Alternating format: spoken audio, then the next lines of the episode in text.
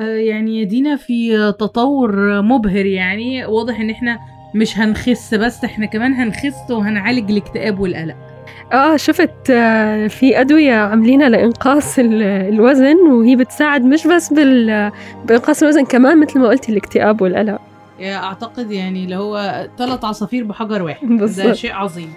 آه الخبر ده وتفاصيله وأخبار تانية هتكون معانا آه النهارده في بودكاست مركز الأخبار من أخبار الآن. هكون معاكم أنا آه ريهام محمود. ودينا الحوراني أهلا وسهلا فيكم.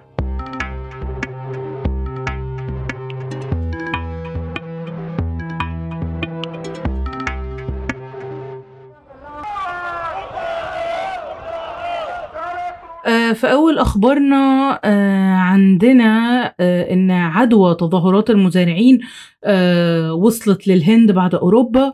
فبعد مظاهرات المزارعين في أوروبا اللي استمرت يعني واللي شهدناها في الأشهر في الشهر اللي فات من أول السنة وآخر شهر في السنة اللي فاتت وصلت التظاهرات للهند آه، وسط محاولات من رجال الشرطة لتفريق هذه الاحتجاجات والمزارعين آه، قطعوا طرق وقالوا إن هم عايزين يوصلوا للعاصمة علشان يبدوا احتجاجهم. وفي وقت سابق من الأسبوع الماضي قال رئيس اتحاد المزارعين في البنجاب سروان سينغ آه، لصحفيين بذلنا آه، قصارى جهدنا لحل مشكلاتنا من خلال التحدث إلى الحكومة لكنها تواصل قمعنا وأضاف المزارعون مسالمون لكن الغاز المسيل للدموع يستخدم ضدنا بواسطة طائرات مسيرة مؤكدا أن الاحتجاج سيستمر حتى توافق الحكومة على مطالبنا.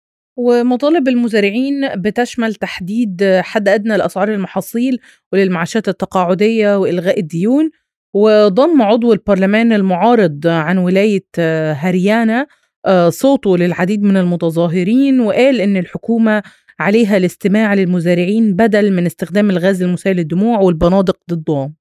ويتمتع المزارعون في الهند بثقل سياسي كبير بسبب أعدادهم ويأتي التهديد بمزيد من الاحتجاجات قبل الانتخابات الوطنية المقررة في إبريل أو نيسان. ويعيش ثلث السكان البالغ عددهم 1.4 مليار نسمة في الهند من الزراعة التي تشكل نحو خمس, آه، خمس, خمس الناتج المحلي الإجمالي للبلاد وفقا لأرقام رسمية.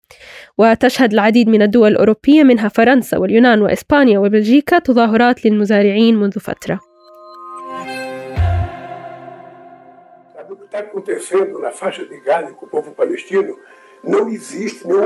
histórico. نروح لخبرنا التاني عن موضوع آه، حرب غزة بس المرة دي طرفين الصراع البرازيل وإسرائيل فالخلاف آه، بين البرازيل وإسرائيل بيتصاعد وبياخد منعطف حساس أكتر.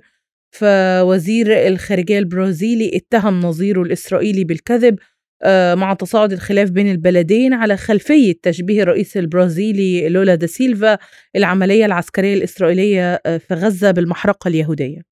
وقال فييرا الذي آه الذي تستضيف بلا بلاده اجتماعا لوزراء خارجية مجموعة العشرين هذا الأسبوع إن تصريحات وزير الخارجية الإسرائيلي آه يسرائيل كاتس غير مقبول آه غير مقبولة بطبيعتها وكاذبة بمضمونها واصفا إياها بأنها مشينة. وكان الرئيس اليساري المخضرم آه، لولا دي سيلفيا آه، لولا دي سيلفا البالغ 78 عاما قد قال خلال زيارة إلى إثيوبيا لحضور قمة الاتحاد الإفريقي إن ما يحدث في قطاع غزة ليس حربا إنما إبادة. ودا سيلفا قال كمان إن ما يحدث في قطاع غزة مع الشعب الفلسطيني ما حصلش في أي لحظة تانية في التاريخ إلا عندما قرر هتلر أن يقتل اليهود. والمقارنة دي أثارت غضب إسرائيل اللي أعلنت أن لولا شخص غير مرغوب فيه بل واعتبر رئيس الوزراء بنيامين نتنياهو أن الرئيس البرازيلي تجاوز الخط الأحمر. واستدعى وزير الخارجية الإسرائيلي كاتس سفير البرازيل لعقد لقاء معه في مركز قيادة ياد فشيم التذكاري لضحايا المحرقة في القدس. وفي المقابل استدعت وزارة الخارجية البرازيلية السفير الإسرائيلي واستدعت سفيرها في تل أبيب للتشاور. ونروح للخبر اللي بعده الخبر المؤسف آه، وفاة الفنانة السورية الكبيرة ثناء دبسي. آه، الفنانة السورية آه، الكبيرة ثناء دبسي توفيت إثر صراع مع المرض. فارقت الفنانة السورية الكبيرة ثناء دبسي الحياة عن عمر 83 عام. ونعتها نقابة الفنانين في سوريا عبر حسابها على فيسبوك. كما عبر العديد من الفنانين السوريين عن حزنهم لرحيلها عبر حساباتهم على منصات التواصل الاجتماعي. والفنانة الراحلة من مواليد مدينة حلب في شمال سوريا اتولدت سنة 1941 وهي زوجة الفنان سليم صبري وبنتها وبنتها الفنانة يارا صبري آه ومن خشبات مسارح حلب بدأت ثناء دبسي مسيرتها الفنية اللي امتدت قرابة 65 سنة من منتصف خمسينيات القرن الماضي آه بعد انتقالها للعاصمة السورية دمشق. وكانت من الفنانين المؤسسين لانطلاقة المسرح القومي في سوريا مطلع الستينيات ولعبت العديد من البطولات المسرحية على مدى سنوات طويلة. وقدمت الفنانة الراحلة خلال مسيرتها الفنية العديد من الأدوار التلفزيونية منذ البدايات الأولى للدراما السورية. ومع الانتشار الذي حققته هذه الدراما عربيا ربما يحتفظ المشاهد العربي في ذاكرته. صورا لا تنسى لأدوار الأم التي أدتها ثناء دبسي ببراعة. وتركت بصمتها الخاصة في العديد من المسلسلات الشهيرة مثل غزلان في غابة الذئاب وزمن العار ووراء الشمس وسيرة آل الجلالي. ويعني آه ربنا يصبر يعني عائلتها وكل محبيها. ننتقل لآخر أخبارنا الخبر اللي ممكن آه متابعينا وإحنا نهتم بيه الصراحة إن آه أثبتت أبحاث حديثة إن أدوية إنقاص الوزن زي آه أوزامبيك ممكن تساعد في تقليل احتمالية الإصابة بالاكتئاب والقلق بس هل يعني هنا بيجي سؤال هل العلاقة دي حقيقية ولا ناتجة عن الشعور بالرضا عن الذات بعد تحسين الصورة الجسدية؟ ده اللي الباحثين يعني هيشتغلوا عليه أكتر. وأحدث تقرير أظهر آه، بعد ما قام بتحليل السجلات الطبية لأكثر من 3 من 3 ملايين شخص وجود رابط بين استخدام أدوية آه، لإنقاص الوزن وانخفاض تشخيص حالات الاكتئاب والقلق.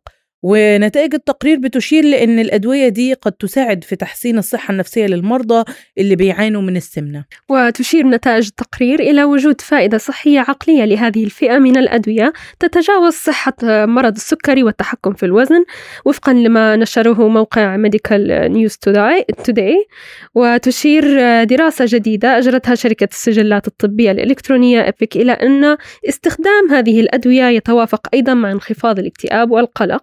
وتم ربط خمسة أدوية GLP 1 من انخفاض الاكتئاب والقلق آه، لدى مرضى السكري مقارنة بالأشخاص الذين لم يتناولوا هذه الأدوية.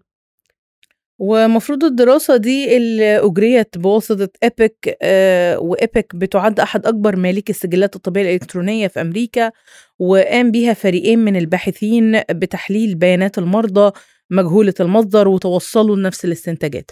آه، أتوقع يعني إن دي دراسة ونتائج لو ثبتت يعني صحتها هتبقى طفرة يعني على نجاح على كل الأصعدة. أكيد. وزن وقلق واكتئاب وحاجة جميلة. طبعا أكيد كل شيء يعني الواحد بيتمنى ياخذ هنتابع نتائج الدراسة دي بشدة. أكيد.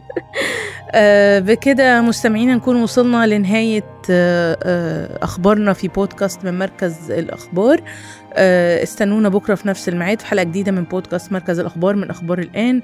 آه كنت معاكم النهاردة أنا ريهام محمود. ودينا الحراني مع السلامة. شكراً.